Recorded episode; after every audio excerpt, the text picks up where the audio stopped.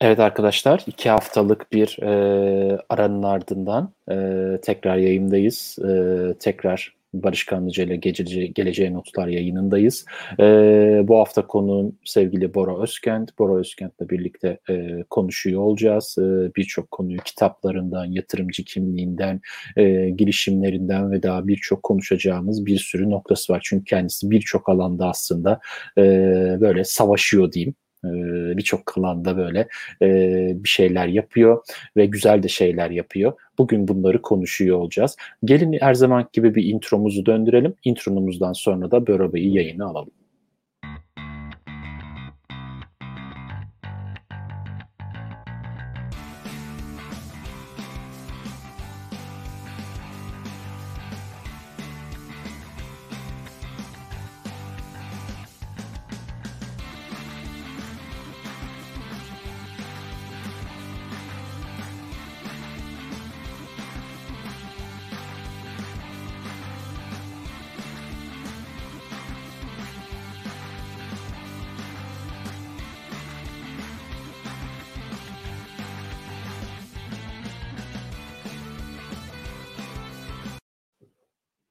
Evet, Bora Bey'i de yayına alalım ve e, sohbetimize başlayalım. Bora Bey merhaba. Merhaba, selam. Barış nasılsın? İyiyim, teşekkürler. Siz nasılsınız? İyiyim valla. İstanbul'dan sevgiler. teşekkürler valla. Ee, ona ihtiyacımız var Londra'da yaşayan biri olarak. Değil mi? Özlüyor insan ne olursa olsun memleketi. Aynen öyle, aynen öyle. Kesinlikle özleniyor. Peki o zaman benim her zaman klasik bir sorum var. Onunla başlıyorum bütün konuklarımda. Bize kendinizi tanıtır mısınız diyorum. E, çünkü hani sizin ağzınızdan sizi dinlemek daha farklı. E, o yüzden onunla başlayalım isterseniz. Bora Özkent evet. kimdir? Ee, yani Ankaralıyım. 1991'de ODTÜ'yü bitirdim. 96'da Koç'ta işletme master'ı yaptım. Ee, uzun süre profesyonel danışmanlık sektöründeydim. Ee, o zamanki adı Anderson Consulting, şimdiki adıyla Accenture'da. Sonra maceralara atıldım. Girişimcilik hayatına girdim. Sonra bir eğitim ve danışmanlık firmasına ortak oldum. En sonunda 2008'de kendi işimizi e, kurdum. 2008'den beri büyük kurumlara ağırlıklı inovasyon, müşteri deneyimi tasarımı, kurumsal girişimcilik gibi alanlarda danışmanlık hizmetleri ve eğitim hizmetleri veriyoruz. Ee, onun yanı sıra e, teknoloji yatırımcısıyım. Ee, özellikle de bu Nasdaq borsası işlem gören henüz kendi ispatlamamış yüksek riskli alanlar ilgimi çekiyor. Ee, en meşhur örneği Tesla. İşte 5 yıllık yatırımcısıyım aşağı yukarı. Ee, onun dışında kriptografi, kripto paralar ilgimi çekiyor. Bitcoin yatırımcısıyım. Yani yatırım alanı ilgimi çekiyor. Bir de yeni daha böyle bir taze bebek var. Ee, aşağı yukarı 10 gün oldu. Haddini diye bir web sitesi e, açtık. Aslında Haddini Aş başlığı altında epeydir içerik üretiyorduk. İşte insanlara biraz razı olmamaya, e, daha iyi şeyler yapmaya teşvik eden işte biraz kişisel gelişim, biraz gelecek vizyonu içeren. E, onu bir web sitesine çevirdik. İlginç model deniyoruz orada. Ücretli içerik e, modeli, abonelik modeli. E, dünyada vardı, Türkiye'de pek yoktu. E, bayağı da iyi gidiyor yani. Benim de e, çok hoşuma gidiyor. İşte onlarla uğraşıyorum yani. Bir de e, Koç Üniversitesi'nde işletme master programında girişimcilik dersleri veriyorum. E, bilgide de bu koronavirüs öncesine kadar onun Light diye bir program vardı. Orada yüksek teknoloji ve insan diye bir ders veriyordum. Böyle öğretim görevime devam ediyor. No, süper süper. Ben de bir dönem Bahçeşehir Üniversitesi'nde e, bilgisayar mühendisliği bölümünde hmm. e, arkadaşlara ders vermiştim. Hatta dün mü Bugün mü? Onlar o arkadaşlardan biriyle de telefonda konuştum hatta. Hmm. Yıllar oldu. 4-5 yıl olmasına rağmen hala. Güzel oluyor öğrencilerle konuşmak. kesinlikle öyle. Kesinlikle öyle. Evet, evet. Ee, peki kendinizi tanıttınız. Çok teşekkür ederim. Evet, Şimdi çok. asıl e, sorulardan bir tanesiyle başlayalım. Yani yazarlık ve konuşmacılık, danışmanlık, kariyeriniz haricinde üniversitede de ders veriyorsunuz. Yani bu kadar işe nasıl yetişiyorsunuz? Bu zamanı nasıl planlıyorsunuz? Ben bunu öğrenmek isterim işin açıkçası. Ee, peki. iyi bir soru aslında. Şimdi bir kere bunlar hepsi birbirine ilgili konular. Yani danışmanlık, yazarlık yaptığım konularda yatırım yaptığım şirketler hep birbirine paralel şeyler. Yani inovasyon, müşteri deneyim mükemmelleşmesi hep o konularla ilgiliyim. E, girişimcilik zaten bunun doğal bir uzantısı. O yüzden hani e, konuda, içerikte birbirine yakın şeylerle gidiyorum. Kişisel gelişim biraz daha e, sonradan girdiğim bir alan. E, çok boşluk gördüm orada. İnsanların çok yanlış yönlendirildiğini gördüm. Ve e, ona da biraz daha şey gözüyle bakıyorum. Yani bu işte kuşlar böcekler değil de Yani hakikaten bu iş nasıl oluyor? Çok para nasıl kazanılıyor? Kariyerde istediğin yere nasıl gidiyorsun konusu çok araştırma, bilim araştırıyorum. Onun sonuçlarını paylaşıyorum. Hı hı. Ee, o yüzden hani çoğu konu birbirine yakın. İşte biraz kişisel gelişimcilik aykırı buna. Ben sabah 5'te kalkıyorum. Yani öyle bir huyum var yıllardır. Süper. Sabah 5'te kalktığın zaman zaten bir 4 saat vakit kazanıyorsun. O Kesinlikle. avantajlı. Ee, hafta, şeyde bu Covid'den dolayı tabii çok avantajlıyız şu anda. Zaten bu yeni sitede ondan dolayı ortaya çıktı. Hani yol yok. Ağırlıklı evden çalışıyoruz. Kemerburgaz'da işte büyükçe bir evdeyim. Hani ofis olarak da kullanabildiğim rahat bir yerdeyim.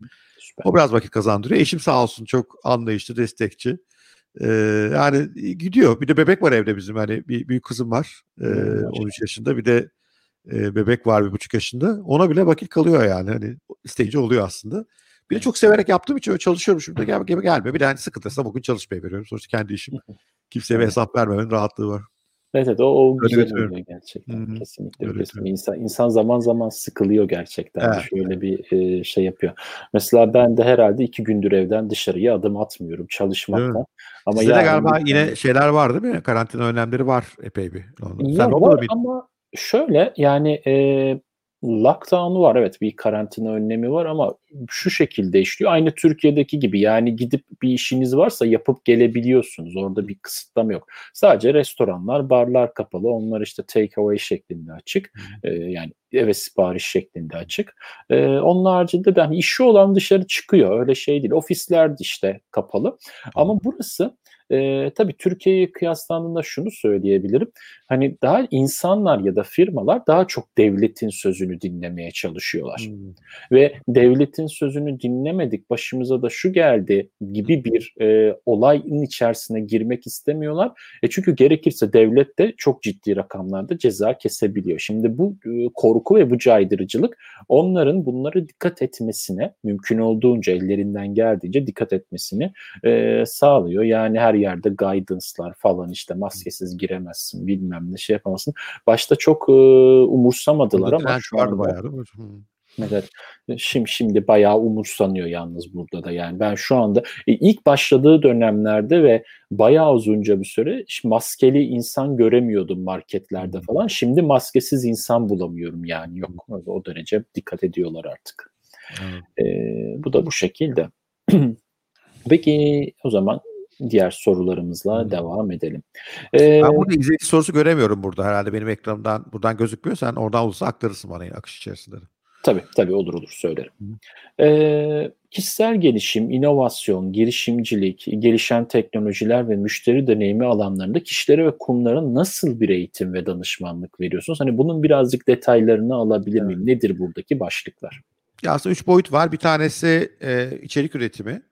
Ee, bazı işte kurumlara podcast üretiyoruz mesela kurumsal podcast kanallarına bazılarına YouTube kanallarına içerik üretimi yapıyoruz. Kitap yazıyoruz kuruma özel. Yani çünkü ben şeye çok inanıyorum. Hani bir aktif danışmanlık ve eğitimin yanı sıra insanlara e, kendilerinin canları istedikleri zaman dinleyeceği, izleyeceği, okuyacağı malzemeler de vermek lazım gelişecekleri alanlarda. Bir, bir ajamız böyle çalışıyor. Çok iyi bir içerik üretimi ekibiyiz biz. E, bir bu boyutumuz var. İkinci boyut işte bildiğin aslında daha e, danışmanlık boyutunda e, şirkette tasarım hizmeti veriyorum ben orada. E, işte e, tasarım ve mentorluk hizmeti veriyorum aslında inovasyon ve kurumsal girişimcilik takımlarına. E, bir fikrin üzerine nasıl gidilir, nasıl geliştirilir adım adım, işte müşteri içgörüsü nasıl alınır, MVP nasıl yapılır. Bütün bu süreçlerde takımlarla beraber çalışıyoruz. Her sektörden de müşteri var. Mesela şu anda hem bir büyük banka ile beraber çalışıyorum hem de bir entegre e, ahşap tesisiyle çalışıyoruz şu anda. E, böyle bir e, ormancılık ürünleri tesisiyle hani her sektörden de işlerim var. Proje ekiplerine mentorluk yapıyorum orada. Adım adım götürüyoruz. E, bir de eğitim boyutu var tabii. E, doğrudan eskiden sınıf içi eğitimlerde pek kalmadı şimdi. Her şeyi dijitalden e, yapıyoruz. Daha da güzel oldu aslında. Ben gayet memnunum e, bu tecrübeden. Kesinlikle. Daha öze iniliyor çünkü hani şimdi sınıf eğitiminde biraz daha hani gırgıra şamata ile yer var. Burada hani her şey daha öze iniyor, daha net yapılıyor diye düşünüyorum. E, üç şekilde hizmet veriyoruz şirketlere. Eskiden evet. şeyde yapıyorduk daha böyle kurumsal kültür tasarım e, konusunda işte inovasyon kültürü, müşteri deneyimi kültürü konusunda. Şimdi onları pek yapmıyorum. Daha somut e, ürün geliştirmeye, deneyim tasarlamaya çalışıyorum. Daha çok zevk alıyorum. Kultur, kurumsal kültür değişim işlerine biraz yoruldum, yoruldum yani. Zor bir iş o. E, tam sonuç almakta hakikaten güç. Ben de güç, ben de sorun al, şey alamadım, sonuç almadım. Hiçbir şey sevmiyorum yapmayı. Anladım, anladım. Evet, kurumsal kültürle uğraşmak zaman zaman sıkıntı. Ya ikisinin de kendince gene şeyleri var. Yani patron şirketi olmak ya da kurumsal kültüre sahip bir şirket olmak. Daha geçen gün bir canlı yayındaydım ben de öğrencilerle buluştum. Ee, ve hani orada da anlatıyordum. Patron şirketlerinin de iyi tarafları var, kurumsal evet. şirketlerin de iyi tarafları var ama tam tersi kötü taraflarının da olduğu gibi ve e, kurumsal şirketlerin en büyük tarafı da hantal olmaları bence en büyük sıkıntıları. Ya zaten şeye bakıyorsun işte son dönemin bütün bu en değerli firmalarına patron şirketi hepsi aslına bakarsan yani ona döndü. İşte Elon Musk aldı Tesla'yı koparttı götürdü. Jeff Bezos aldı Amazon'u koparttı götürdü. Ee, ve mesela Tesla örneğinde yani tipik kurumsal otomobil üreticilerinin bunlara tepki verememesi, teknoloji geliştirememesi, riski alamaması hep bize örnek oluyor. Ee, o yüzden yani bence böyle akıllı patronların yani iyi patron patron şirketi Türk, Türk şirketlerine kafa başka bir yere gidiyor tabii. Hani böyle tabii, hain patron aynen, Türk tipi patron şirketi. Yok o, o değil de yani teknoloji bilen, e, böyle bir büyük şirketin liderliğini verebilen, hikaye anlatabilen, e, vizyon koyabilen e, iyi patronda şirketleri aslında daha hızlı gidiyorlar. E, bir kısım eski patron şirketleri mesela Microsoft falan da hani çok ilginç böyle ağırlıklı şeylere geçmeye başladı. Çok ilgimi çekiyor. Böyle ağırlıklı Hintli e, liderlere doğru kayma var orada. Hı hı, evet. e, onların da yapmaya çalıştığı şeyi şöyle görüyorum. Onlar e, şunu farkındalar. Hani bu büyüklükte bir şirketi kurumsal hantallıkla yönetmemek gerekiyor. Daha insancıl olmak lazım. E, bu Hintler de biliyorsun işte çeşitli mantıları var. Daha insancıl olabilmeyi, büyük kadroları yönetebilmeyi, e, duyguya hitap etmeyi biliyorlar. Bir yandan da e, şeyleri de kuvvetli işte analitik düşünceleri de kuvvetli. E, ve yani Microsoft falan mesela Microsoft'un son dönemde yaptığı atak falan çok ilgimi çekiyor. Yani tam kurum da değil ama aslında kurum. E, ama ciddi bir lider var insandan anlayan, insana hitap eden ve bir yandan da teknoloji analitikten anlayan. Hani orada bir patron şirketi benim gözümde. Hani buna doğru döndü iş. Klasik kurumsalların işi çok zor. Yani bu hıza yetişmek mümkün değil. Yani bu dijital dünyanın rekabet hızına, değiştirme hızına büyük kurumlar yetmiyor. Bir de hani senin benim anladığım anlamdaki büyük kurumsal şirketlerin çoğunda da teknoloji background'u olmayan insanlar var. Hep onu söylüyorum. Bir zamanlar hı hı. işte ben işletme mezunuyum. Şirketlerin işletmecilerin yönetmesi gerekiyordu. Bu devirde bir şirketi işletmeciye verirseniz intihar edersiniz. Yani şimdi şirketlerin e, teknolojiyi çok iyi bilen işletme e, becerileri de olan insanlar yönetmesi gerekiyor. Yani e, buna doğru döndü. İşte daha hani İngilizce bir tabir var. Nerdler diye böyle Evet. Teknolojinin delisi derin adamlar onlardan sonuç çıkıyor şu anda. Çünkü büyük fırsatlar orada yatıyor. Doğru doğru doğru. Yani e, baktığınız zaman evet e, yani Elon Musk örneğinden hani evet. gidersek sonuçta hem şirketin kurum kültürünü yansıtıyor. Evet, Bizim şirketimiz evet. çevik, atik bir şirkettir. Evet. Hızlı karar alır. Ee, ondan sonra risk marka alır. değerini, risk alır, marka değerini. Hatta şunu okumuştum ben. Ee, SpaceX firması uzaya şey gönder roketi göndereceği zaman e, roketin ya bir yazılımda arıza tespit ediyorlar. Hmm. Ve yani roket şeyde burada launch platformunda bu arada yani hani e, hmm. e, fırladı fırlayacak. Hemen arızayı tespit ediyorlar. Yazılıma yamayı yapıp yüklüyorlar. Diyorlar ki eğer bu durum NASA'da olsaydı o Oho. iptal olurdu. Aylarca onun testleri baştan yapılırdı. E, 3-5 ay sonra yeniden işte e, launch platformuna gelirdi alet. O da iş, iş gitmiyor. Bir de şeyi büyük kurumlarda e, gerekli detaya odaklanılmıyor. Daha yani ürün detayına odaklanmaktansa işin politikasına odaklanıyor. Hep onu görüyor. Bir tane hep bununla ilgili bir örnek anlatırım. Beni hani Tesla yatırım zaman konusunda çok ikna eden bir örnekti bu. İşte ben bu e, Tesla ile ilgili mesele anlatırken hep sosyal medyadan bana sataşıyorlardı. Hocam Mercedes, BMW istediği zaman Tesla'yı yener. Tesla kim ki dünkü çocuk falan. Tabii şimdi öyle konuşmuyorlar da hani. Tabii. 2 yıl öncesini hatırla. Ee, ben de o sırada ilginç bir örnek yaşadığım için aslında Tesla'nın kazanacağını düşünüyordum. Bir çok tuhaf bir e, sosyal medya hesabına denk geldim. Baba Tesla'ları söküyor e, tek tek ve içlerine bakıyor. Böyle mühendis bir kafalı bir adam.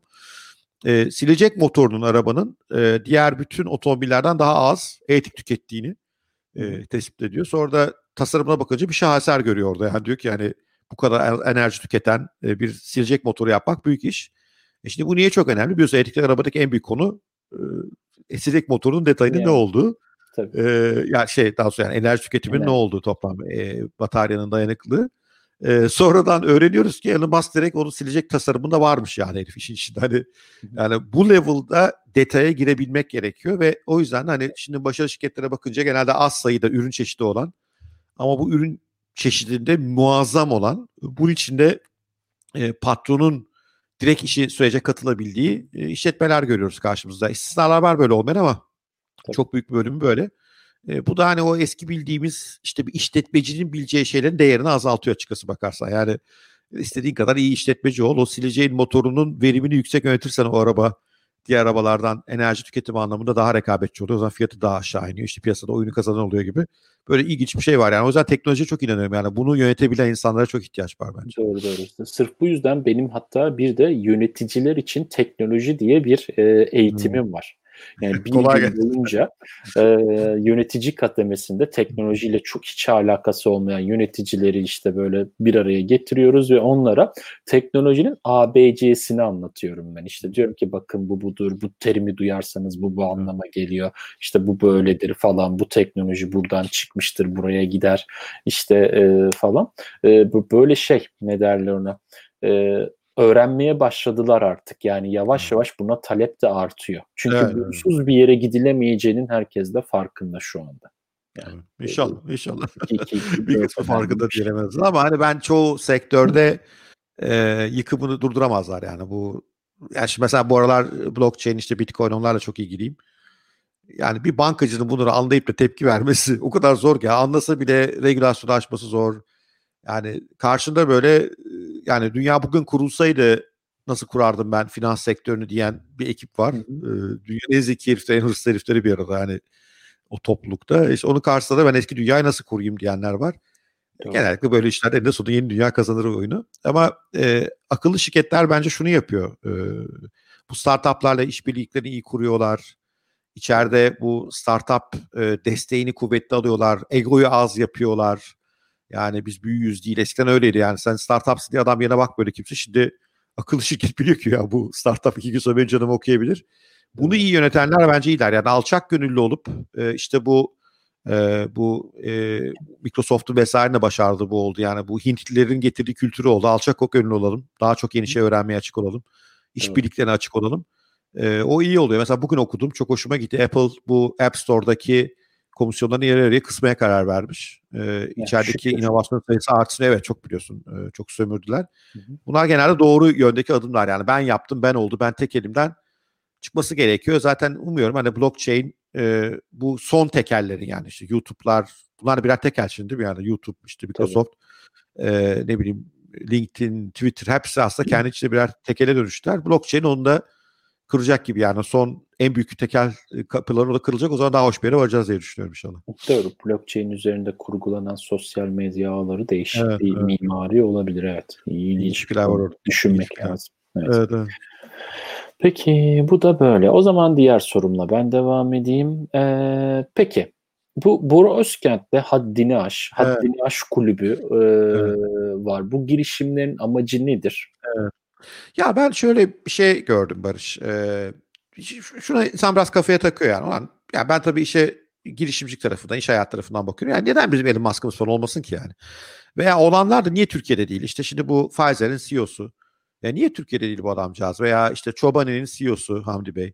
Niye Türkiye'de değil? Veya e, ne o e, Udemy'nin e, CEO'su Eren Bali. Yani bunlar niye Türkiye'de değiller? Niye gidiyorlar? Niye senin gibi e, bu boyutta işleri yapacak insanları biz Türkiye'de tutamıyoruz? E, veya da bunlar Türkiye'den çıkmıyor. Bunu sırf iş hayatında düşünme. Yani spora bak, sanata bak, bilime bak. Yani bir avucun parmakları kadar, bir elin parmakları kadar dünya çapında insanımız var. E, bunun ana sebebinin böyle çok bastırılmış olduğumuzu düşünüyorum ben. Yani herkes böyle işte mahalle baskısıyla, aile baskısıyla, ne bileyim sosyal baskıyla hep böyle bir sınırlarını çok kısıtlıyor. Yani ben bu kadarını yapabilirim. Daha fazlası mümkün değil. E, işte benim dünyanın gidişatına bir etkim olmaz. Bir de böyle bunu bir de şeylerle besliyorlar ya böyle komplo teorileri işte Batı'nın kölesiyiz biz bir şey yapamayız falan hani kasti yapılan şeyler olduğunu düşünüyorum bunun bir kısmının. Herkes böyle bir kısıtlı hissediyor kendini ve ben buna inanmıyorum ya. Ben de inancım e, bu topraklardan da harika girişimler, harika sporcular, harika işler çıkar. İkincisi hani illa böyle dünya çapında şeyler değil en azından kendini gerçekleştirebilirsin. Yani kendi hayallerine yürüyebilirsin. Kendi küçük bir işin olur. Benim işim küçük bir iş ama çok severek yapıyor olabilirsin. Ve böyle hani toplum ne diyor vesaire bunlardan e, kurtulman lazım. En önemlisi de kendi zihnini temizlemen lazım bu pislikten. E, bunun için de e, bir hani zihinsel olarak bu yeni dünyaya hazırlanmak gerekiyor. Ben bunun için işte epey çok biyografi okudum. Belki takip ediyorsundur bu e, LinkedIn'de her pazar bir Saddin Aş hikayeleri yayınlıyoruz. Doğru, 65. doğru. geldik. Ünlü insanların hayat hikayelerini anlatıyoruz ve orada hani şunu gösterdi. Bu çok başarılı olmuş insanların böyle bir muazzam şartlardan gelmiyorlar. E, muazzam bir becerileri doğru. de yok. E, belli bir pet izleyince oraya varılabiliyor. E, onu anlatırken bir yandan onların tekniklerini, yöntemlerini an- anlatmaya başladık. Haddini aşmanın sırları diye. E sonra bir baktık acayip büyüyen bir topluluğa dönüştü. Bu bir newsletter, e, bir işte düzenli bültene döndürdüm bunu. E sonra da bu düzenli bülteni açıkçası hani nasıl paraya çevirebiliriz? Bu sayede hani ben de emeğimin daha büyük bölümünü buraya nasıl verebilirim? İnsanların e, kendini aşması konusunda yardımcı olabilirim diye. Bu haddini aştıktan neti kurduk işte iki hafta oldu. Yani çok ilginç şeyler deniyorum orada ve yani çok şaşırarak çok mutluyum bundan. Bir işte ücretli bir bülten bu. Yani bir bölümü ücretsiz. İşte sen biliyorsun dünyada zaten olan bir business bu. Ee, bir kısım içerikte e, ücretli. Web sitesinde bir de bir takım eğitimler, e-rehberler falan var. Onlar yine ücretli modele giriyorlar. E, Türkiye için de yüksekçe bir fiyat yani. Aile, yılda bin lira gibi fiyat. E, çok iyi talep var. Yani insanlar demek açmış iyi bir içeriğe. Sonra onun üzerine e-kitaplar satmaya başladım. E, bir tane var şu anda büyük bir e-kitap. E, ön sipariş topladık. Yine Türkiye'de görülmemiş bir şey. E, 1 Ocak 2020'de çıkacak e, kitabın dijital ön baskısı ve sadece dijital baskılık bir kitabı 100 lira gibi çok yüksek bir fiyata e, sattım. İşte bir takım hoşlukları var. İşte yazarla toplantı, ne bileyim dijital kitabın sponsoru oluyorsun vesaire gibi. Bunlar hep böyle yurt dışında olan Türkiye'de hani Türkiye'de olmaz bunlar denen modeller. Denedik hepsi oluyor şu anda. ee, yani biraz hani haddini aşmanın orada bir örneği de olsun istiyorum bu proje. Ve beni çok heyecanlandırıyor yani. O hani işte o gün atıyorum 50-100 bin liralık bir yeni deal geliyor, proje geliyor. O o kadar ilgimi çekmiyor. Orada böyle bir, bir kitabı 100 liralık sipariş veriyorlar. O da hey falan da heyecanlanırım. Evde böyle kutluyoruz falan. E, çünkü ona inanıyorum yani bu bireylere yardımcı olmak lazım ve Türkiye'den de e, çok başarılı insanlar çıkmasını istiyorum. Hatta Aşk Kulübü de e, bunu işte bu e, ücretli modele geç, giren daha benle biri bir ilişki kuran. Çünkü bunu bir de bin kişiyle sınırlı tutacağız. Yani öyle çok büyük bir şey olsun istemiyorum. E, maksimum bin kişi tutacağız. Şu anda zaten 140-150 kişiye geldik yani birinci haftada. Herhalde bin kişi hızlı yürüyeceğiz gibi gözüküyor. Orada tutacağım ki e, hizmet verebileyim. Yani insanlarla konuşabileyim. Çünkü söz verdim. Maillerinize şahsen döneceğim. E, işte ayda bir bir araya geleceğiz. Dijital ortamlarda sohbet edeceğiz. Yani insanlara bu aşma sürecini, bu yırtma sürecine yardımcı olmak istiyorum. Beni çok heyecanlandırıyor.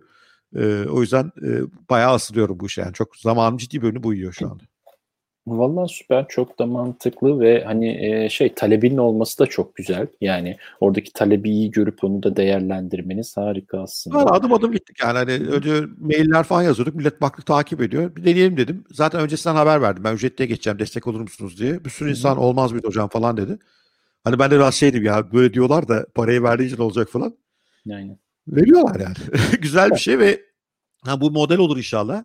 Başarırsam bu modeli de e, başka da uygulamasını istiyorum. Çünkü Türkiye'de bir sürü konuda çok güzel yazıp çizen, fikir üreten insanlar var. Sizin gibi e, ekipler var. E, yazılım üretebilen, bunu pazarlayabilecek. Yani insanların content üretmekten e, ve bunu dünyanın her tarafına önce Türkiye'den başlayıp pazarlamaktan para kazanabildiğinin yolunu bulması gerekiyor. Ona bir örnek teşkil etsin de istiyorum yaptığım şeyin. Yani ben çünkü yaratıcılığa, içerik üretimine çok inanan birisiyim. Onu bir örneği olsun istiyorum inşallah. Kesinlikle kesinlikle. Vallahi harika yani. Ee, umarım da daha da böyle büyüye büyüye İnşallah. gider. Teşekkür ederim. Sağ ol. Ee, bu arada birkaç tane soru da var. Hani onlara da dönmek isterim. Tabii tabii. Ee, bir tanesi biraz önce konuştuğumuz konuyla alakalı. Hani zaman yönetimi ve öncelik Hı. belirleme ile ilgili tavsiyelerinizi alabilir miyiz diye bir e, soru gelmiş Burçak Bey'den. Evet. Ya benim aslında basit bakıyorum buna e, Barış. En çok neden zevk aldığıma bakıyorum yani. e, neden çok zevk alıyorsam çünkü onu güzel yapıyorum. O da karşı tarafa e, katma değer katıyor. E, ona vakit ayırıyorum. Yani şimdi mesela atıyorum şimdi burada dinleyen müşteriler varsa da kusura bakmasınlar. Şimdi büyük kurumlardan teklif talebi geldiğinde o eskiden o teklif talebine aman ne özenirdim ben hani onun Tabii. en kaliteli şekilde nasıl yazacağız falan. E şimdi vallahi o kadar heyecanlanmıyorum ona ama bir okurumdan işte hocam hayatımda şöyle bir konuya takıldım nasıl açacağım bilmiyorum diye bir mail geldiğinde ona e, gerekiyorsa canlı bağlanıp cevap vermeyi çok seviyorum. Çünkü ondan çok zevk alıyorum ve zevk aldıkça e, bunu yarattığı katma değer de artıyor. O da zaten sonra bir gelire dönüşüyor. O yüzden zaman yönetimi zevkim belirliyor yani. Neden çok zevk aldım e, belirliyor. Birinci e, faktör o. İkincisi yani şunu oturttum. Bir şey yaparken başka hiçbir şey yapmıyorum yani. Bir e, tam anlamıyla konsantre oluyorum. Biliyorsunuz bunun bir takım teknikleri var. Pomodoro teknikleri evet, vesaire. Evet. Hani böyle bir somut teknik kullanmıyorum ama şunu sağlayabiliyorum. Yani ben şimdi bir yazı yazacağım. Bir buçuk saat bunu yazacağım. Ee, şimdi işte bir müşterimle bir eğitim hizmeti vereceğim. Ona tam konsantre olayım. Yani dijitalle ilişkimi, e, beni bölen şeylerle ilişkimi iyi yönettiğimi düşünüyorum. O e, beni şey yapıyor. Bir de hani misyon duygusu yüksek şeyleri seviyorum. Yani hani biraz yaşımın geldiği yer itibariyle de bir de hani para kazanmanın daha kolay yolları var. Hani kendi yırtmaya gerek yok. Yatırımcılıkta falan çok daha kolay para kazanıyorsun. Hani oturup da bir müşteriden biraz daha para kazanayım diye eli takla atmaktansa yani gerçekten katma değerimin ya olduğu yer nedir? Misyonumu nasıl yerine getiriyor ona bakıyorum.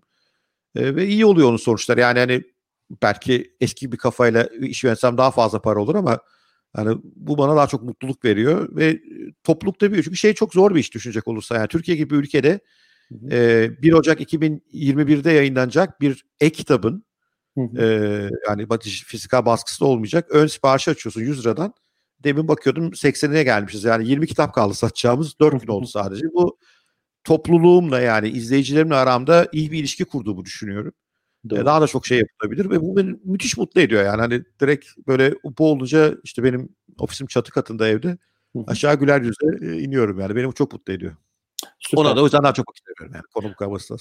Evet. Aslında bu da işin de ilginç bir tarafını da görmek lazım burada. Yani e, baktığınız zaman şu anda evin, evinizdesiniz ve evinizden yaptığınız yayınlar ondan sonra evinizde harcadığınız zamanı aslında bir şekilde maddiyata dönüştürebiliyorsunuz. Evet. E, ve kendi bir şekilde sizi takip eden bir kitle var ve takip eden kitleye de yanıt verebiliyorsunuz. Bu da ilginç. Evet. Eskiden bunun için radyoda, televizyonda olmak evet. gerekiyordu ya da en kötü işte e, klibi dönen bir sanatçı olmak gerekiyordu aslında. Ama şimdi bireysel olarak herkes istediği zaman belli araçları kullanarak ki burada evet. gözümüzün önünde işte LinkedIn, örneğin YouTube şu anda canlı yayın yaptığımız dört platform e, insanlarla buluşabilme, bilgi birikim, tecrübeyi aktarabilme gibi e, bir netice doğurdu teknolojinin geldiği son nokta aslında.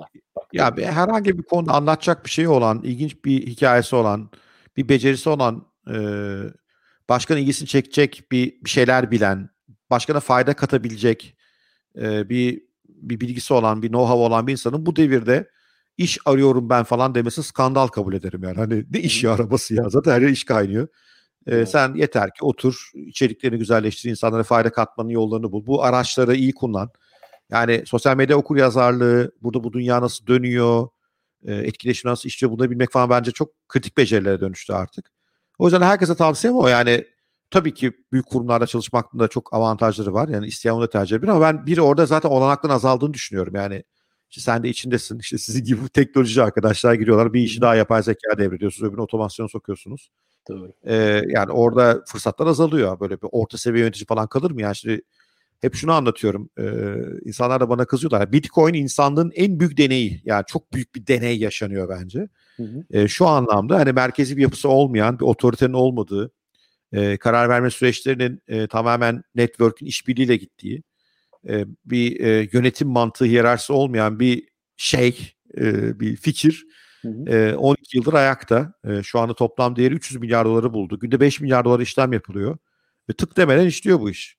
E, bu durumda hani biz işletmelerimiz bu hiyerarşisi, yönetim mantıkları, orta seviye yöneticiler yani bunun hepsi bir gözden geçmesi gerekiyor. Çünkü Bitcoin ispatlıyor yani bu yeni e, teknoloji, bunun teşvik sistemleri hani e, Bitcoin network'ünün doğru çalışması için çok motive işte madenciler var biliyorsun işte o Ledger'ın doğru çalışmasını sağlayan insanlar var. Onlar da işte Bitcoin olarak teşvik oluyorlar. İşliyor yani bunları görüyoruz şu anda işleyebildiğini. O yüzden yani merkezi olan her şeyi bir e, sorgulamak lazım. E, bu da büyük şirketlerde ciddi kıyımın olacağını görüyorum insan sayısı. Yani daha az insanla daha çok iş yapmanın yolu bulunacak. Sana ne bundan diyorum. Hani birisi bana soruyor. Sana ne? Senin yeteneğin ne? Dışarı ne anlatabilirsin? İlgisini çekecek ne var dünyanın? E, sen de senin bildiğin başkanı bilmediği. Varsa böyle bir şey e, meydan senin e, şu anda ve çok hoşuma gidiyor bu dünyanın e, bu hali. Aynen, çok öyle. beğeniyorum. Yani. Tam tam bu şeye uydu. Haddimizi aşalım evet. uydu aslında. Yani evet. e, eğer bir şeyler yapmak istiyorsanız e, haddinizi aşabilirsiniz ve bulunduğunuz yerden e, sosyal medya mecralarıyla kendinizi bir noktadan bir noktaya getirebilirsiniz ki bunu yapan YouTuber'lar, e, Instagram'ı kullanan milyonlarca takipçiye ulaşmış kişiler de var aslında yani. Yani ya bir de yani mesela hani deniyor ki Türkiye bilime meraklı değil falan. Ya öyle değil arkadaşlar. Şimdi Türkiye'nin en büyük e, YouTuber'larından biri Barış Özcan mesela. Değil mi? Hı hı. Yani takip ediyorsunuz belki herhalde 2,5-3 milyon takipçisi var. Baba bilim anlatıyor bayağı. Yani tatlı anlatıyor. Yani popülerleştirip anlatıyor. Bilim anlatıyor. 2,5-3 milyon kişi izliyor. Her YouTube videosu binlerce takip oluyor ve baba orada Amerika'dan yaşayıp e, evet. Türkiye'den gelir elde edip sonra o gün NASA'da füze atılırken gidip onu izleyebiliyor. Var işte örneğimizde yani Değil gözümüzün önünde bunlar. Bir zamanlar şeyler vardı yani eski kahraman mesela Acun bir kahraman bence hani hı hı. E, ortalama bir insan için işte o dönemin medya araçlarını o zamanki televizyon e, medyası iyi kullanıyor. O dönemin Elon Musk'ına benzetiyorum yani. O se kendi sektörünün içindeki Abi, bir Elon Musk bence Acun Yüzde yani. yani. Çok yani hani yaptığı işin hoşlan bir üründen ama hani bu adamı takdir etmemek anlamına gelmez yani. Çok e, damara okuyor ve hı hı. o dönemin medyatik araçlarını çok iyi kullanıp işte adam nedenin sahibi oldu.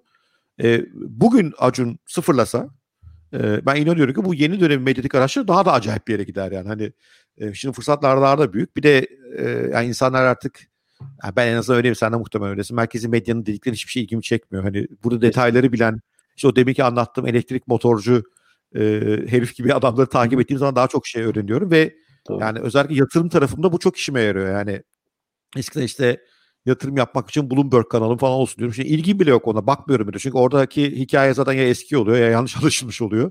Ee, böyle detay manyaklar var. Mesela atıyorum Tesla'ya yatırım yapmaya karar verdiğinde e, Twitter'da yüze yakın hesap var izlemen gereken. Onlarda öğreneceğin şey hiç kimse öğrenemezsin başka. Yani bir, bir tane eve denk geldim abi öyle komik ki şeyin üzerinde e, Tesla'nın e, fabrikası üzerine drone uçuruyordu araba. Kaç araba var, kaçı çıktı. Yani böyle detay takip eden insanlar var. Bunlar, bunlar öğrenecek çok şey var ve baba sırf bunu yaparak ünlü oldu.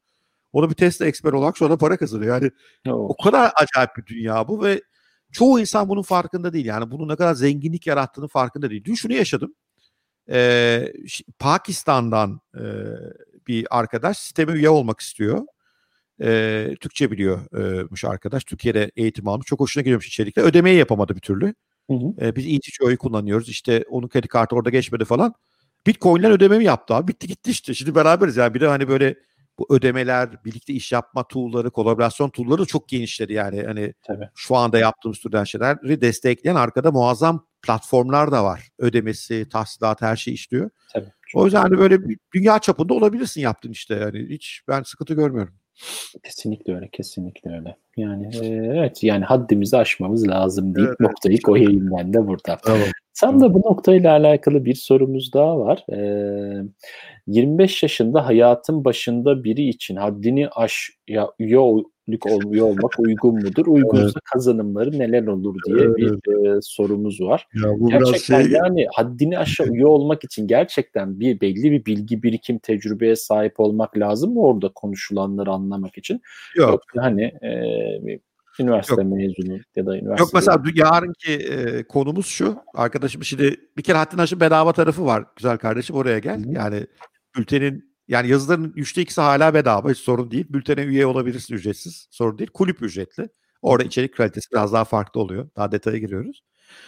Mesela yarınki konu üniversite niye milyarder yapmıyor insanlar? Yani tam senin yaşının e, konuşulması gereken konuları nerede okuyorsun, ne yapıyorsun bilmiyorum ama muhtemelen yanlış bölümde yanlış bir şey okuyorsun şu anda çok büyük ihtimalle. Çünkü doğru bir şey öğreten üniversite yok zaten.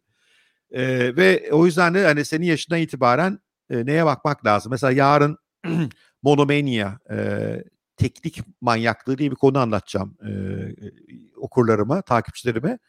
E, podcast'te yapacağız bu sefer. Hı hı. E, ve orada şunu göstermeye çalışacağım. Yani üniversitenin amacı seni herhangi bir konuda derinlemesine uzman, bunun sonucu milyarderle dönüşecek bir insan yapmak değil. Yani şimdi bakarsan, atıyorum Bill Gates'e bakarsan herif üniversitede kod yazıyor yani. Hani kimse kod yazmaz. Üniversitede kod yazmayı bilen hoca yok. Biliyorsun Harvard'da hukuk okuyor galiba herif zaten. Tabii. Sonra bırak Elon Musk Stanford'da doktora sırasında sıkılıyor. E, çünkü hocanın anlatacağı şey gidip kütüphaneden okuyor zaten. Herif diyor ki ya bundan öğreneceği bir şey yok. İşte oradan. Önce PayPal'ı kuruyor, ondan sonra Tesla'yı kuruyor falan. Eski hikayeler oluyor. E, baktığın zaman o yüzden mesela üniversite eğitimini yaneleştiriyoruz. Yani bu, bu, bu bence erken yaşlarda öğrenilmesi, duyulması gereken şeyler. Yani insanların ana kalıpların yanlış olduğunu şu anda yani anne babalarımızın, büyüklerimizin bize öğrettiği kalıpların çoğunun yanlış olduğunu ve gerçekten çok başarılı olmak istiyorsan o kalıpların dışındaki dünyayı keşfetmek gerektiğini erken yaşta öğrenmesine fayda var. O yüzden arkadaşımız gelsin. Önce ücretsiz üye olsun. Zaten o bile ona e, çok hoşuna gidecektir o içeriklerin çoğu. Sonra hoşuna giderse e, kulübe katılır. Çünkü kulübe katıldığı zaman fark şu. e, üyelere daha ziyade yani kulübe katılmayan, ücretli olmayanlara e, neler yapılması gerektiğini dünyaya anlatmaya çalışıyorum. Kulübe katılanlara bunu nasıl yapacaklarının detayına giriyoruz. Anlatır mı? Yani Hı. metoda giriyoruz orada, yönteme giriyoruz, detaya giriyoruz ve birebir ilişkiye giriyoruz. Farkı o. Hı. Yani önce üyelikle başlar sonra bakar e, işine geliyor, hoşuna gidiyor diye. Aynen öyle. Şah cevap olmuştur kardeşim. Ayanur. E, evet. Ayan Onur. Hani okuyamadım emin değilim evet. isminden. Öyle Ayan olsun. Evet. Evet bu şekilde Gülşen Hanım da bize teşekkür ediyor bu yayın için. Ee, biz de kendisine teşekkür ederiz. Dinlediği vakit ayırıp teşekkür dinlediği için. Sağ olun. Sağ olun. Teşekkür ederim. Ee, evet ben artık birazcık da sorularımızla devam etmek istiyorum. Bakalım nerede kaldık. Heh, evet kaldığımız sorulardan biri.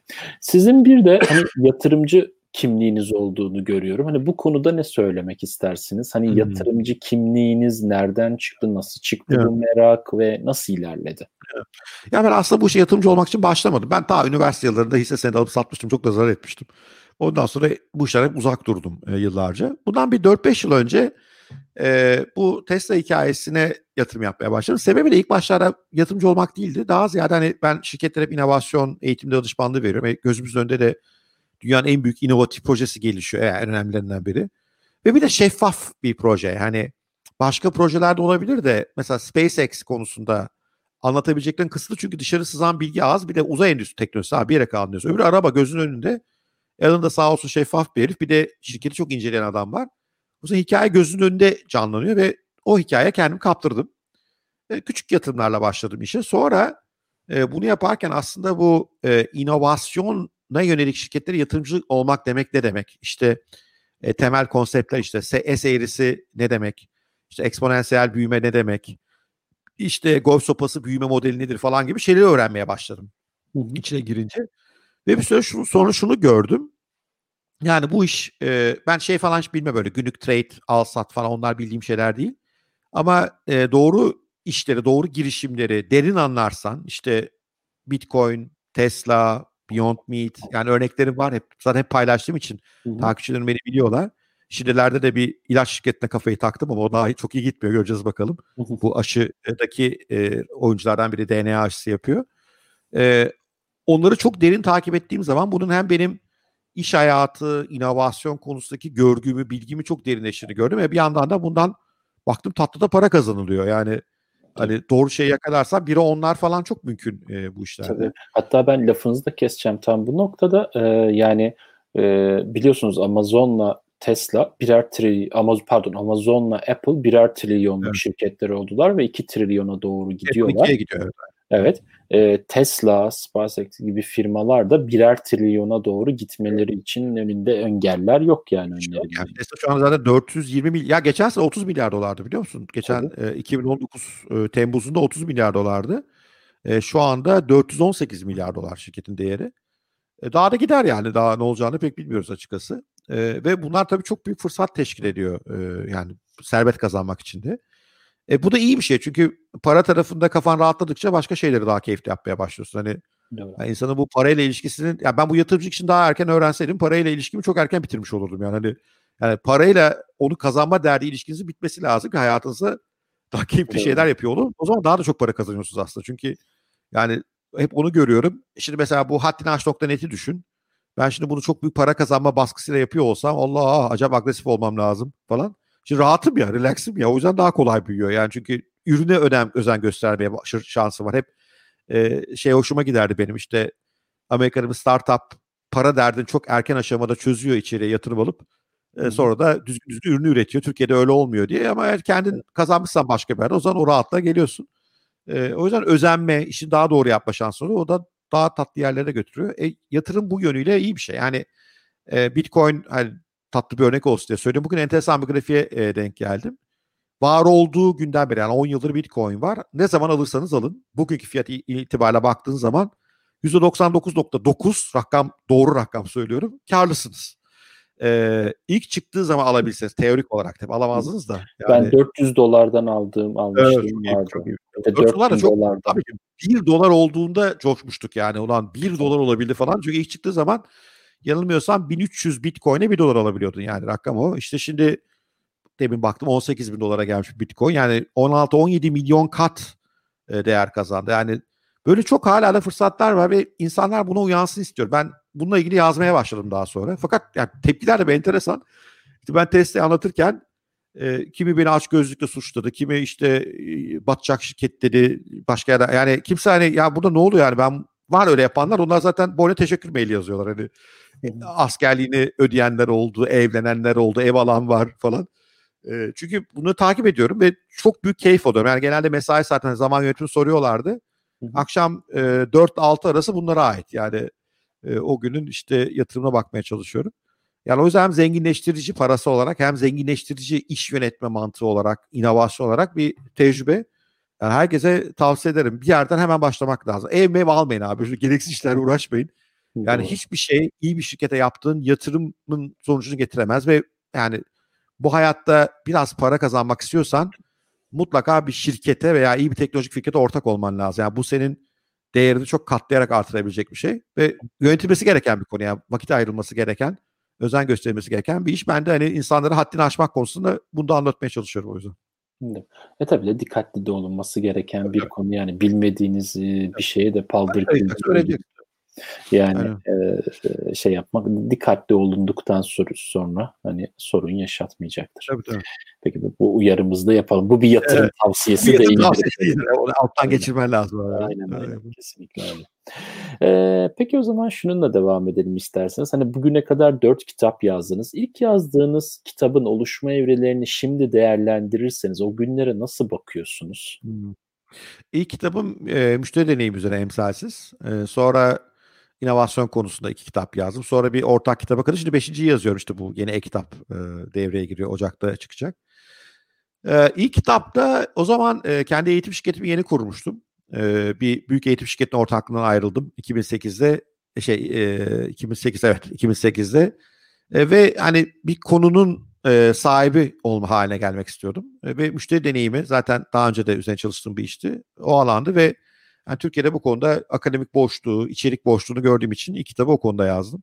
Emsalsiz müşteri deneyimi yaratmak. Hala iyi satıyor kitap yani. Hala 15. baskıya falan geldik onda. Tabii biraz eskidi yani. Çünkü dijitalleşme yoktu o zaman. Yani düşünsene Uber yok, Netflix yok. Hani anlattığımız örnekler daha e, fiziksel dünyanın örnekleri. Ona bir ikinci versiyon gerekiyor. Üşenmezsem e, onu bir yazacağım yani. Çünkü çok inanıyorum yani dijitalde daha iyi deneyimler yaratıyoruz diye. Hikaye oydu. Ee, çok hızlı yazdım ben onu. Aslında anlattığım eğitimleri kitaba çevirdim yani. Yaptığım şey oydu ilk başta. Hala da öyleyim yani. Anlattığımı yazabiliyorum ben. Öyle bir durup baştan kitap yazayım, araştırma yapayım falan bir adam değilim. Hani ne anlatıyorsam onu kitaplaştırıyorum. Çünkü anlatmak için çok araştırmış oluyorum. E, o öyle oldu. Ondan sonra işte e, inovasyon e, konusunda da zaten uzun zamandır çalışıyordum. İlk adım adım inovasyonu yazdım. Bu aslında işte bu yalın girişim, tasarımcı düşüncenin vesaire bir akışını anlattım yani. Çok Yenilikçi bir kitap değildi ama mantığı güzeldi. Ben en çok üçüncü kitabımı seviyorum. Büyük Kurumlar için İnovasyon Manifestosu. Hı hı. O çok bana ait bir know-how bence. Hakkı verilmedi Türkiye'de yani. Bizim şirketler az ilgilendiler. Ben de PR'ını çok yapamadım o işin. Orada biraz hani bu büyük şirketlerin e, bu startuplara gibi davranmayı nasıl öğreneceğini, neyi, yap, neyi yapamayacağını çok detaylı yani bütçe sistemi nasıl olacak her şeyi anlattım. E, o çok öyle beklediğim kadar satmadı doğru söylemek gerekirse. İşte çok tekniğe girince biraz böyle evet, işin. Bir de böyle şey yapacaksın abi. Kuşlar, böcekler, çiçekler. Üç örnek falan. Ee, o çok güzel bir kitap. Bence burada hani okumayanlara tavsiye ederim. Benim en iyi kitabım diye düşünüyorum. Hatta yani iddia ederim bu konuda yazılmış dünyada da beş kitaptan biridir yani. Hepsini de biliyorum kitapların. Hakikaten iyi. Çünkü çok tecrübemle de yazdım. Şimdi de bu haddini aşı yazıyorum. Bu daha kişisel gelişime yönelik ama güzel kitap oluyor yani. Hani Burada şöyle başlıyoruz. İşte önce bir bu haddini aşmış insanların yaşam desenlerini inceliyoruz. Sonra oradan e, belli desenler çıkartıp bunu hayata nasıl uygulayabileceğimizi sonra da geliştirmesi gereken becerileri koyuyoruz. Bir de kitabın en sonuna da e, muazzam bir referans e, listesi ekliyorum. Yani e, herhalde bir e, web siteleri, Twitter'da takip etmen gereken insanlar vesaire. Yani bütün bu haddini aşmak konusu dünyada ne var ne yok onu da oraya koyuyoruz. Çünkü öyle bir toplu referans kaynağına ihtiyaç var. Dijital olmanın avantajı da var. Kitabı güncelleyeceğim falan ileride. Hani bu basıtları yapamıyorsun onu. Ee, öyle bir dünya. Uzattım ama yani kitap deyince ben heyecanlanıyorum. Hala çok sevdiğim bir şey. Az satınca morali bozuyorsun yapmak istemiyorsun. Dijitalden o yüzden yürüyeceğim artık. Anladım anladım. Evet ben de ilk dijital kitabımı hani e, 10 yıl önce kadar önce çıkarmıştım. E, tabii çok erken bir dönemdi ve teknik bir kitap zaten. Evet, çok öyle yani. önemli. Hani e, zaten teknik bir kitap olduğu için de işi ihtiyacı olanlar hani içinde kod falan da vardı. E, ihtiyacı olanlar falan şey yapmıştı. Allah razı olsun. Bence bu içerik üreten herkese Allah razı olsun yani. Hani, ak bir yere de faydası oluyor mutlaka. Doğru. E, güzel bir şey. Ya herkese hiç kimseye faydası olmasa bana faydası oluyor. Arada Tabii. bir kitaplardan bir şeylere bak baktığımız oluyor. Yani Aa, ben bunu burada yazmıştım bir bakayım oradan alayım falan. Bir de düşünme sağlıyor yani. Hep iddia ettiğim şeydir. Düşünüp kitap yazmıyorsun. Kitap yazarken düşünüyorsun bir sürü şeyi. O yüzden müthiş bir düşünsel egzersiz aslında e, hepsini bir yere getirmek için. Herkese Kesinlikle kitap doğru yani yazmak çok doğru bir şey. Yani hayata yani günlük tutun en kötü diyorum herkese yani.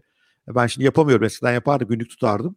E, bu kadar insanı toparlayan denk e, yani ne yapmaya çalışıyorum, nereye gitmeye çalışıyorum, ne öğrendim bugün. Çünkü öyle bir türlü akıp gidiyor günler yani ne olduğunu anlamıyoruz. Yani izi kalmıyor hiçbir şey. Biraz izini bırakmak lazım.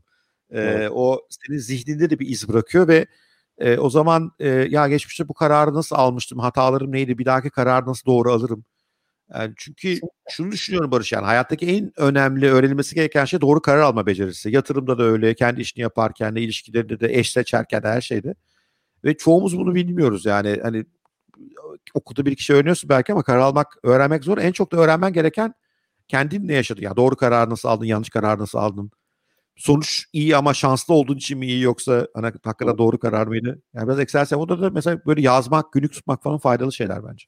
Doğru doğru kesinlikle. Kesinlikle yani yazarken e, kesinlikle birçok şey toparlanıyor. Yazarken düşünüyoruz ve yazarken o düşünceler artık e, hayata geçirilebilir evet. örnekler haline gelebiliyor bazen. Ya, işte ben bu haddini aşma yazdığımdan beri kendi kişisel gelişim arttı yani. Ben de hayata başka bakıyorum çünkü araştırmak gerekiyor. Yani çok çok iyi bir aktivite yazmak hala.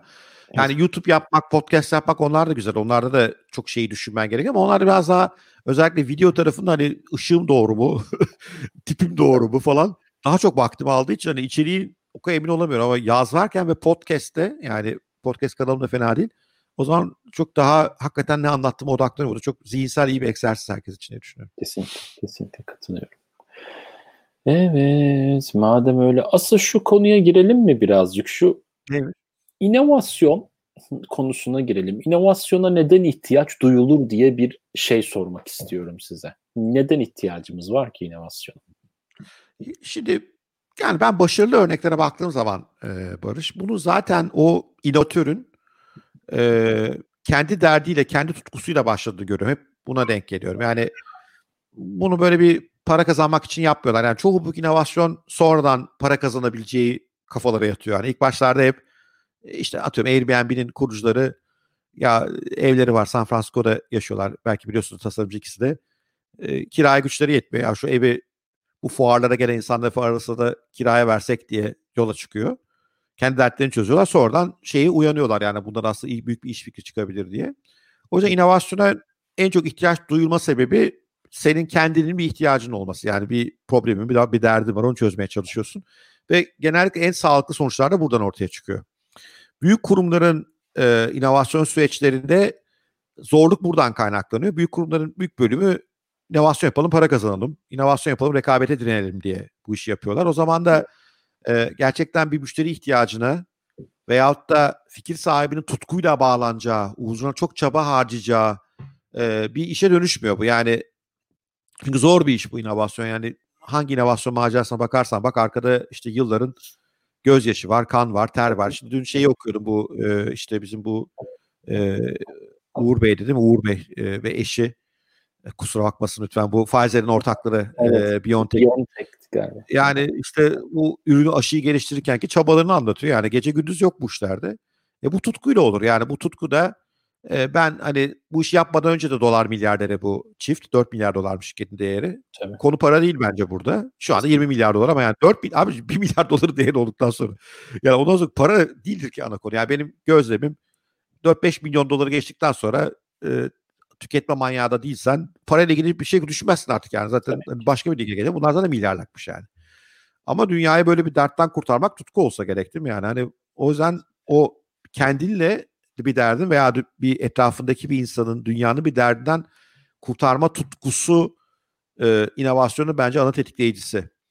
E, onun dışında hani rekabete direnmek, para kazanmak, tabii oralarda da fırsatlar var. E, yapılan şeyler de var ama onlardan böyle e, daha ziyade hani e, rekabete karşı kendi koruyabileceğin boyutta şeyler çıkıyor. Yani büyük oyun çıkmaz onlardan. Çünkü arkasındaki bu önemli bir soru yani neden sorusu bana sorduğun sorunun cevabı hı hı. para kazanmak, işte büyümek falan deyince onun motivasyonu, onun duygusu az oluyor ve yani bu inovasyon hep söylerim ben. Yani normal bir şirket yöneticisinin falan yapacağı iş değil. Bu başka bir hani İngilizce var ya another kind of animal derler. Bu başka bir tür hayvan yani. Bu şirket yönetmeye benzemiyor. Bu hakikaten çok derin odak gerekiyor. Çılgınca çalışmak gerekiyor. Bin tane yeni şey düşünmek, başka insanlarla bir yere gelmek gerekiyor. E, o yüzden bu tutkuyla oluyor. O yüzden problemi çözmek için yapılıyor inovasyonlar diyebilirim. Yani esas tetikleyicisinin olması gerekiyor. E, kendinle ilgili, çevrenle ilgili, dünya ile ilgili bir şey olabilir. Konu bu. E, şeyin pek bence geçerli yok artık. Hani şunu yapayım bundan 3 kuruş para kazanayım. E, onlar çabuk sönüyorlar açıkçası. Yani var ya böyle bir sürü işte mesela şey, sepetler var. Yani yemek sepetçi arkadaşlar tabii müthiş bir iş yaptılar. Çok başarılı. İşte her şeyin sepeti var yani. Onun sepeti, bunun sepeti. Niye? İşte sepet işte para var yani marketplace işte para var biz de yapalım. Çoğu batıyor bunlar yani. E, çünkü olay çabuk hissettiriyor kendi yani bu, bu da işte böyle bir girişim. Yani 50 tane kuruluyor onlardan. E, o tip fırsattan azaldığını düşünüyorum. Yani hep o yüzden bu derin tutku e, meselesi inovasyon tetikliyor. Son hmm. olarak da tabii de teknoloji abi yani. E, teknoloji mümkün kılıyor inovasyon yapmayı. Hep onu söylerim. Yani bunu şeye benziyor işte sen de yıllardır bu işin içindesin. E, internet ilk çıktığında interneti kullanma şeklimiz çok basitti yani. Hani ben hatırlıyorum şirket broşürü yüklüyorduk temelde. Hani pasif e, işte 3-5 sayfadan oluşan bir interaksiyonu olmayan web sayfaları. Mesela o zaman için en büyük fikir Britannica ansiklopedisini internete taşımaktı. E, ama yani ansiklopedi olduğu gibi taşıdık yani. Hani bir, mesela Wikipedia'yı falan düşünemedik yani. Bu bir interaktivitesi olur. Bağımsız insanlar da katılır vesaire. Ama bu platform yani bu e, internet platformu sonra bir sürü yepyeni alanların önünü açtı. İşte sen de bugün yaptığımız chatler, sosyal medyalar, ödeme mekanizmaları bir sürü şey e, devreye girdi. O yüzden biraz böyle bir inovasyon inovasyon doğuran hali var. Yani bir teknolojik platform ortaya çıktığında özellikle platform işleri bu çok oluyor. O yeni şeylerin önünü açıyor ve e, insanlar bir anda ya şunu niye yapmıyoruz ki biz deyip e, eski bir probleme bu yeni çözümleri e, getirebiliyor. Ben şunu mesela bunu şu anda blockchain ve kriptoda çok görüyorum.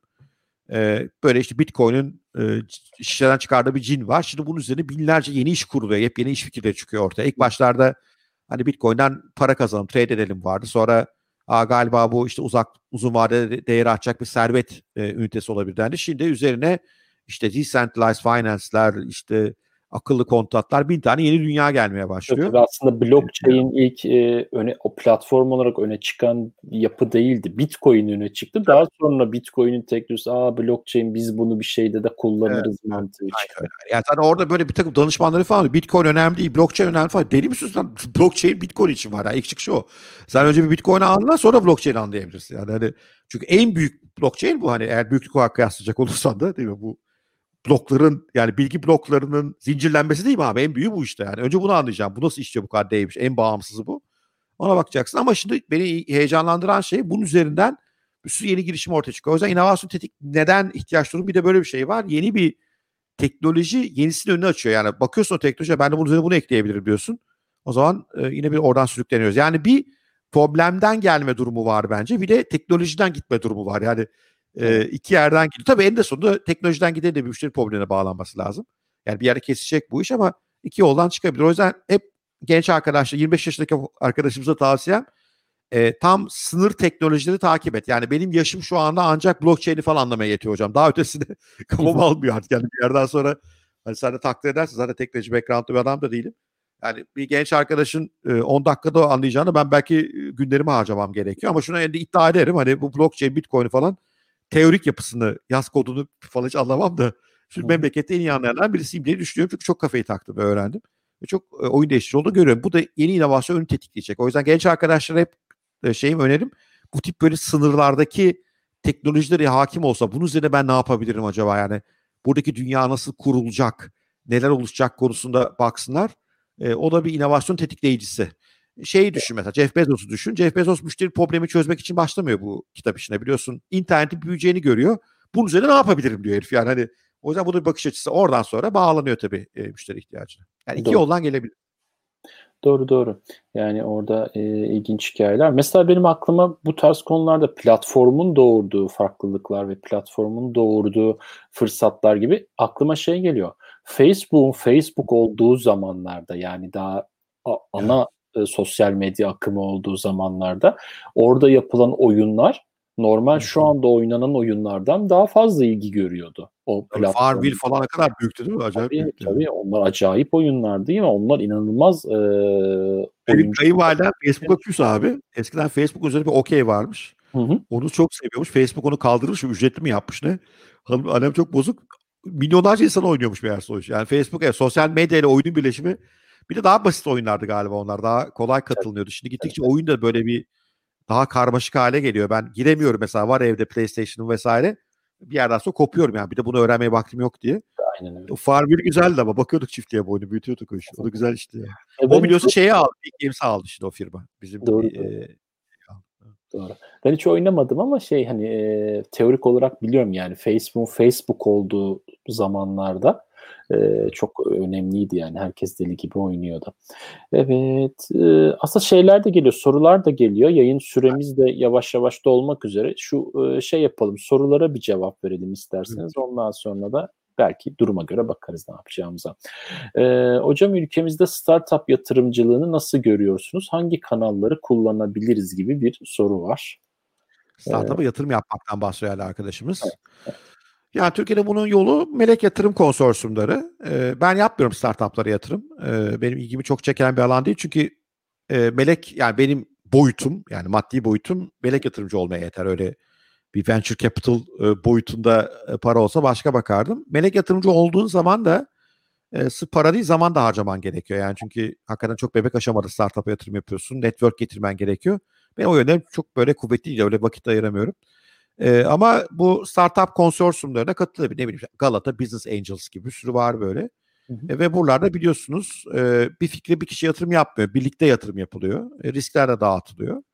Ama şunu düşünmek lazım. Yani şimdi burada melek yatırımcı arkadaşlar varsa e, konfirme ederler. Yani çoğu batıyor bu paranın açıkçası. Yani startupların büyük bölümü başarısız oluyor. Dünyada da böyle. Doğru. O yüzden hani tek bir startup'a işte atıyorum kenarda bir 100 bin dolarınız var. Bir startup'a yatırdım o da battı durumu olabilir. O yüzden buna bir rakamla girip bunu bir portföy haline getirip dağıtarak yönetmek lazım. Özellikle ilk başlarda e, daha da tecrübesiz de yatırımlar yapılabilir. Böyle bir dünya var. Startup diye bir dergi var. Çok onu alın. O Startup dergisinde bütün Türkiye'deki konsorsiyumlar, e, kim kime yatırım yapıyor, e, işte birinci seviye bu melek yatırımcılar kimler, daha üst fonlar neler bunlar gözükebiliyor. Evet. Onun dışında e, bizim e, İstanbul Menkul Kıymetler Borsası'nın e, bu startup'ımsı şeylere yatırım yapacak bir platform var. Hatta bazı işlerde ortadan çıktılar. Çünkü normalde biliyorsunuz halka açılabilmesi şirketin işte belli bir süre kar etmiş olması falan gerekiyor. Startuplarda bu mümkün değil. Bunun fonlanmasıyla ilgili orada bir proje var. E, kitle fonlamasıyla ilgili proje var. Daha çok hayata geçmediler diye biliyorum. Oralarda fırsatlar olabilir. Evet, kitle ee, böyle bakabilirsiniz. Başka kişilerin de e, böyle bireysel hani e, nasıl ifade edeyim bireysel girişimleri var. Kitle fonlaması Türkiye'de sanıyorum gelecek yıllarda bayağı ön plana çıkıyor olacak startup. Evet evet. Aslında kanunu falan çıktı böyle. Yani e, sermayedar olma şekilleri falan belli. E, ama yani bu aralar bu Covid'li Movid'li biraz onlar dağıtmış olabilir meseleyi.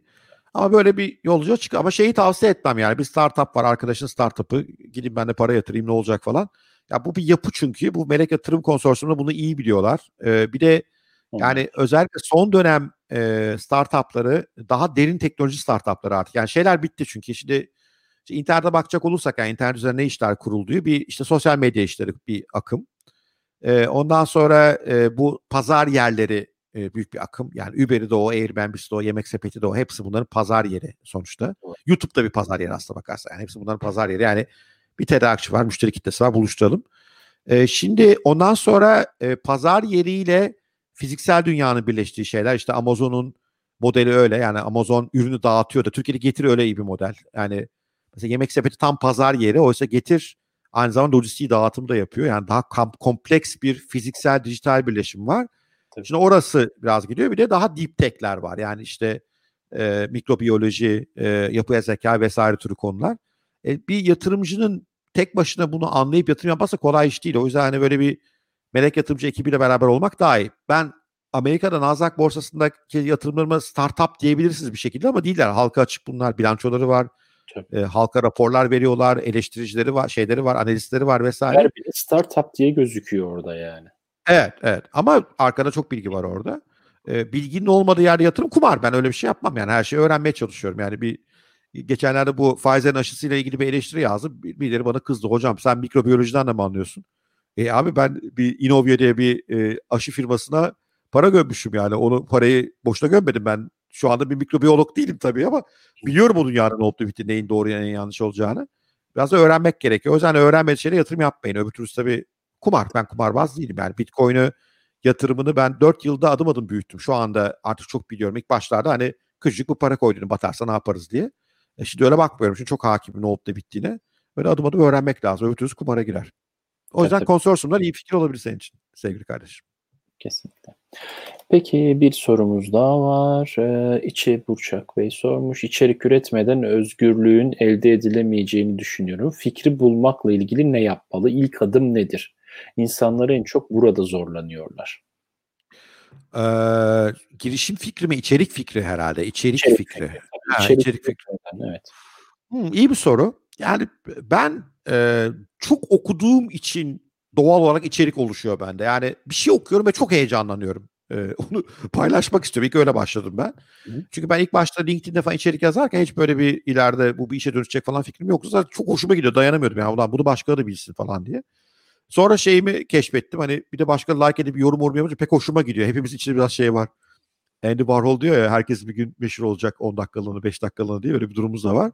Evet. Sonra bu gelişti. O yüzden hani ilk mesele bir e, ara, okuma hevesi, araştırma, merak etme hevesi olabilir ve orada e, daha çok ilginç çeken alanları paylaşmak olabilir. İkinci bir konu e, şu anda yaptığın işte bir derin uzmanlığın vardır. E, onu paylaşmak istiyor olabilirsin. E, başka bir konu e, çok ilgili çeken bir dünya vardır. İşte atıyorum Bitcoin dünyası. E, onu derinlemesi incelersin. Onunla ilgili e, paylaşmaya başlayabilirsin. E, yollar böyle olabilir yani. Hani Veyahut da çok iyi yaptığın bir şeyi paylaşabilirsin. Yani en iyi menemeni sen yapıyorsun. Yani unutma Türkiye'de menemen soğanlı mı olsun soğansız mı olsun bir yıl tartıştık yani. Ee, insanın ilgisi her şey çekebiliyor. Yani ve galiba e, yani en önemli tavsiyem e, insanlar ne sever ne beğenir diye düşünme. Sen ne yazmaktan çok hoşlanıyorsun, ne paylaşmaktan, neyi araştırmaktan oradan başla. O kendi topluluğunu buluyor. Yani internetin güzelliği milyonlarca insan var. Sen hoşuna giden bir alanı merak eden birileri daha mutlaka çıkıyor. O sana yeter yani. Hani e, oradan başlayabilirsin diye düşünüyorum. Bir de yazmak praktisini yap yani. Her gün yazmaya başla hemen. Yani her gün yazmaya başlamak zaten ister istemez e, okuma, araştırma gelişiyor. Yazmak da bir çünkü kas gibi bir şey zaman içinde gelişiyor yani. E, o yüzden bir yerden başlamak lazım. Kesinlikle hatta şey Barış Özcan bunu hikayeleştirmişti. Bu Martin, Marslı filminin e, bilmiyorum izlediniz mi onu? Mars filminin Çok senaristi aslında e, şey tamamen bunu internetten yayıyor, yavaş yavaş yazıyor. Zaman hmm. içerisinde oluşuyor ve kitle bunu talep ettikçe doğuyor aslında. Evet. E, hikaye ve en sonunda bildiğimiz artık e, film haline geliyor sonra senaryo evet. Haline geldikten sonra. Filmin araçları buna çok uygunlar yani öyle yazsan bakalım ne oluyor yani bir tepki gelsin oradan bak geliş ve insanlar açıklar, insana fikir veriyor, üretiyor. Yani ilginç bir şey yani. Yani işte ben Türkiye'de yapıyorum bu işi. Dünyadan örnek vermiyorum. Kendim yapıyorum. Yani sıfırdan işte e, aşağı yukarı e, 10-11 ay boyunca sosyal medya paylaşımı yapıp şu anda 10 binin üzerinde bülten üyem var. Canlı her gün gidiyor. Açılma oranı %35-40'ları buluyor. Yani 3-5-4 bin kişi o bülteni her gün açıyor, okuyor. Süper. Bülten içine bir link verdiğim zaman onun tıklanma oranı %20-22'lerde. Çok büyük rakamlar bunlar. Ve her bültenden sonra 15-20 mail alıyorum yani yorum işte nasıl uygulayacağız vesaire diye. E, Türkiye'de yaptım bunu. Hani oluyor demek yani. Ben de öyle bir e, muazzam bir yazar falan değilim ama o tutkuyla bağlı olduğum bir şeyde yazınca, çizince, iyi içerik üretiyorsanız bir şekilde yürüyor bu işler. Tam da bu noktada bir soru var. Onu da kısaca cevap alabilirsem. Ee, evet, keyifle dinlediğini söylüyor Can Bey bize. Teşekkür, Teşekkür ediyoruz. Ee, Bora Bey tek olarak mı çalışıyorsunuz yoksa evet. bu konuda üretken bir ekiple mi çalışıyorsunuz? Ee, araştırmacım var bir tane. Zaman zaman zaten referans veriyorum. Bilge, e, belki o da dinliyordur bize Bilge Zağlı. Araştırmaları o yapıyor. Bazen metnin bir kısmını o yazıyor. E, benim eşim de e, bu konuda zaten Pınar Özkent. O da bir yazar. Belki biliyorsunuz onda bir bestseller kitabı var. O da zaman zaman içerik üretime katılıyor. E, bir de e, ak, pasif şey e, affedersin freelance olarak destek veren arkadaşlar var.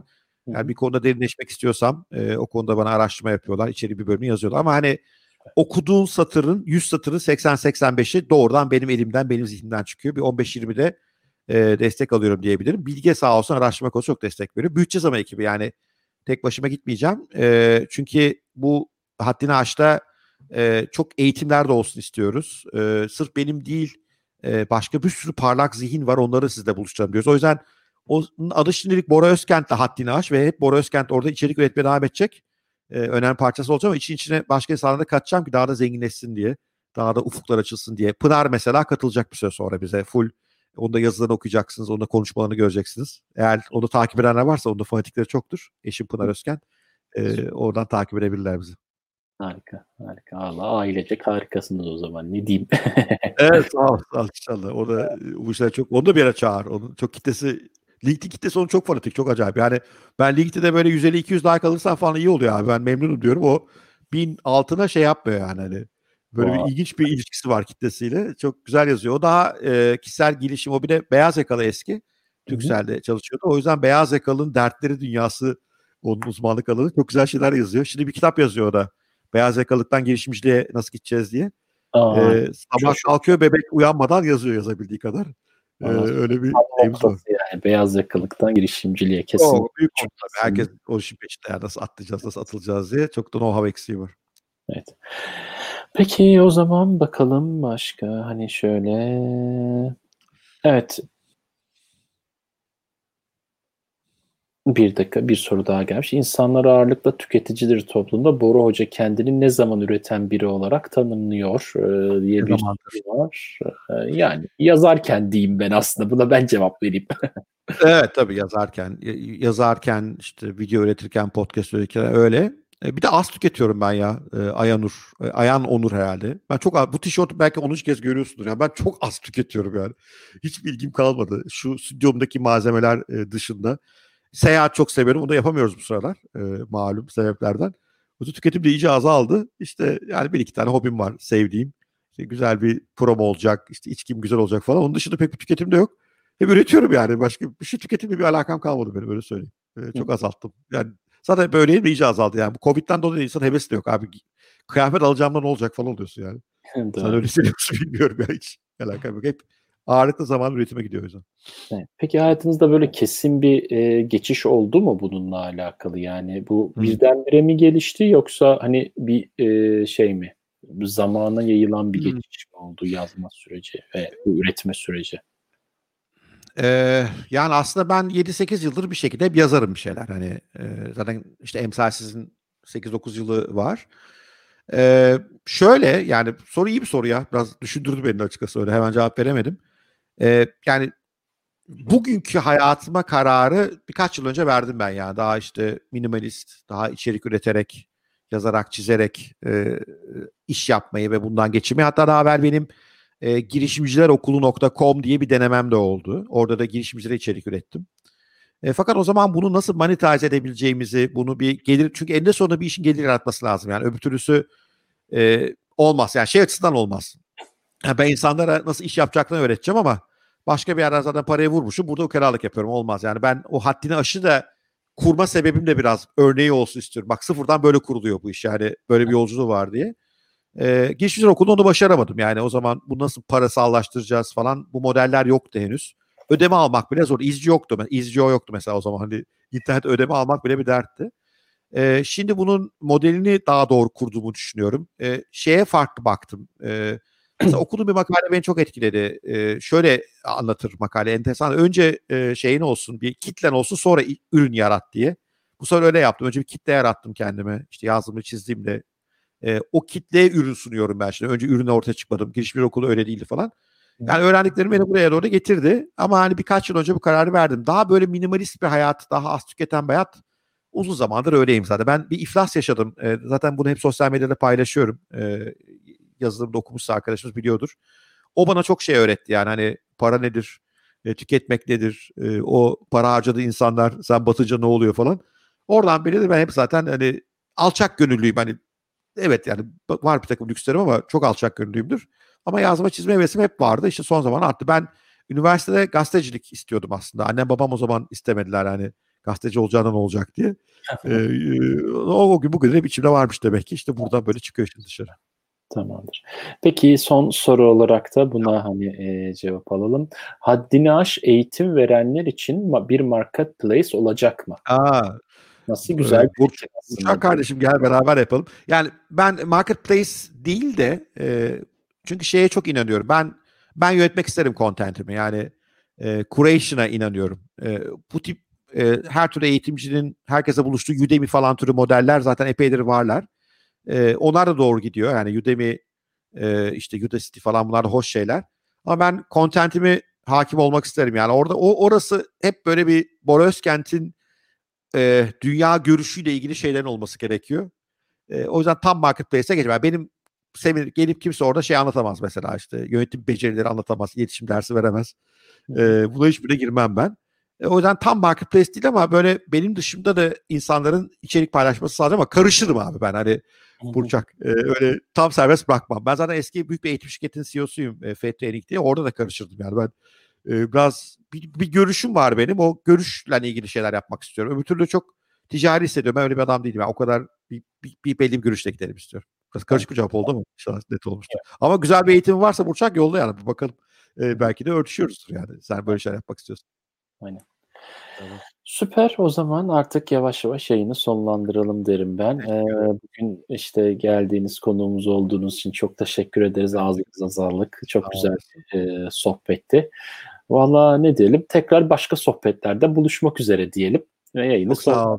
Teşekkürler. Barış nereden ileride izleyecek insanlar? Bir onu da bir söylesen hani e, kayıt şeyler yani şu andaki izledikleri platform hangisiyse hepsine yani YouTube, Facebook, Twitter ve LinkedIn hepsinin içerisinde zaten e, tekrar e, kayıt ediliyor şu anda. Aynı anda hem kayıt ediliyor hem canlı yayın yapıyor.